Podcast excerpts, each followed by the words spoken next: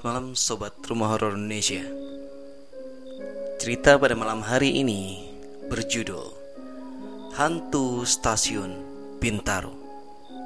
Malam itu sekitar pukul 11.30 malam Hudi masih saja duduk di motornya menunggu penumpang di depan stasiun. Sebenarnya Hudi sudah merasa lelah Tapi karena merasa penghasilannya kurang Hudi enggan untuk pulang Suasana stasiun sudah sangat sepi. Hudi sudah sedikit putus asa. Tetapi senyum Hudi langsung merekah ketika ia melihat ada seorang wanita keluar dari stasiun. Wanita itu mengenakan setelan rapi lengkap dengan blazer. Ya, seperti wanita kantoran. Hudi menawarkan jasanya kepada wanita itu dan wanita itu mengiyakan tawaran Hudi. Wanita itu minta diantarkan ke wilayah tanah kusir. Hudi pun memacu sepeda motornya. Di tengah perjalanan, Hudi menanyakan wanita itu hendak pergi ke mana. Dengan suara yang dingin, wanita itu menjawab, "Saya mau pulang, Bang."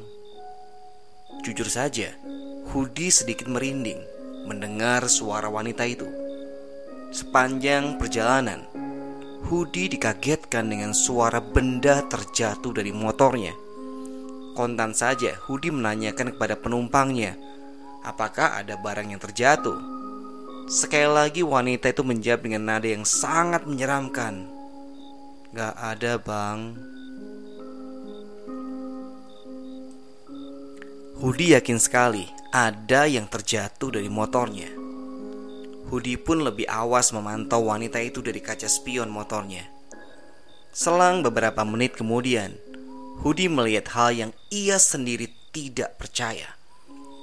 Dari kaca spion, Hudi melihat tangan wanita itu, yaitu tangan yang sedang memegang tas, copot dan terjatuh dari motornya. Dari lengan itu keluar banyak darah. Hudi tentu saja kaget, dan motor Hudi oleng hampir terjatuh. Untungnya, Hudi masih dapat mengendalikan motornya. Tetapi, jantung Hudi sudah berdegup begitu kencang. Ia takut kalau ternyata yang ia boncengi bukanlah manusia. Lantunan doa keluar dari mulut Hudi. Bahkan ia tidak berfokus ke jalan. Tubuh Hudi sudah gemetaran hebat. Iseng-iseng Hudi melihat ke arah spion sebelah kanannya. Dan betapa kagetnya Hudi melihat apa yang ada di spion. Ternyata wanita yang ia boncengi tidak berkepala. Hudi hanya melihat leher yang sudah terpenggal, mengeluarkan darah dan banyak belatung. Melihat hal itu, tiba-tiba Hudi tidak dapat mengendalikan laju motornya. Hudi pun tersungkur terjatuh dari motornya. Dan seketika itu juga wanita jadi-jadian itu menghilang. Hudi bangun dan membersihkan dirinya. Ketika ia sedang membersihkan bajunya, terdengar suara tawa yang menggelegar dari balik arah rimbunnya pohon.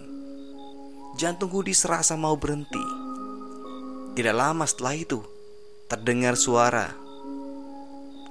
"Bang, tolongin saya." Dibarengi dengan sesosok kepala keluar dari semak-semak dan terbang ke arah Hudi. Dan ternyata itu adalah kepala wanita yang ia boncengi tadi. Saat itu Hudi seperti tersambar petir di siang bolong. Hudi hanya bisa terpaku dengan diam. Ia seakan tidak percaya apa yang ia lihat. Ketika kepala itu sudah berada lima meter darinya, Tiba-tiba Hudi tersadar dan berlari sekuat-kuatnya meninggalkan motornya. Wajah wanita itu sangat pucat dengan banyak luka di wajah. Hudi terus saja berlari dan akhirnya sampai di sebuah rumah warga. Ia mendapatkan pertolongan. Di sana Hudi ditampung oleh salah seorang warga. Keesokan harinya, Hudi dan warga mengambil motor Hudi yang tertinggal di sebuah kebun kosong. Hingga saat ini, Hudi tidak pernah tahu siapa wanita itu, dan Hudi juga masih ingat dengan jelas kejadian itu. Kejadian yang diyakini adalah ulah salah satu arwah korban tragedi Bintaro yang hingga kini masih berkentayangan di sekitar lokasi kejadian. Oke Sobat Rumah Indonesia itu cerita untuk malam hari ini Semoga menghibur kalian Selamat malam, selamat beristirahat